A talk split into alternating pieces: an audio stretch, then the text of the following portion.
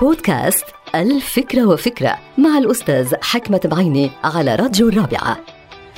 بستغرب كتير تصرفات بعض الأشخاص اللي بدافعوا عن أنفسهم باختلاق أعذار غريبة ما بتمت للمنطق بأي صلة. هل سمعتم أحدهم يقول عذر أقبح من ذنب؟ بالطبع كلنا سمعنا بهذا المثل الشعبي والساخر إلى حد ما. هو مثل ساخر لأنه بيسخر من بعض الأشخاص اللي بيختلقوا الأعذار الكاذبة لإخفاء فشلهم في تفسير ما حصل بكذبوا بطريقة سخيفة أحيانا ومزخرفة أحيانا أخرى. هن بيتخلفوا عن الحضور إلى العمل وبيعتذروا بكذبة. هن بيسيئوا لأصدقائهم بيعتذروا بكذبة. هن بيهملوا واجباتهم وبيعتذروا بكذبة. هؤلاء الأشخاص يمتهنون مهنة الكذب وتقديم الأعذار بشكل دائم.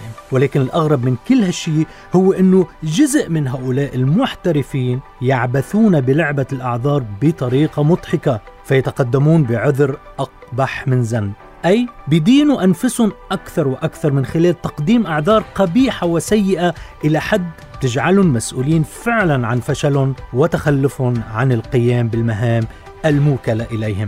مشان هيك أنا نصيحتي لأي شخص أخطأ في مكان ما أن يعترف بهذا الخطأ من دون لف أو دوران.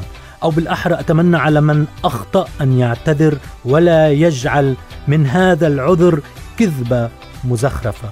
انتهت الفكرة. هذه الحلقة مقتبسة من كتاب الفكرة وفكرة.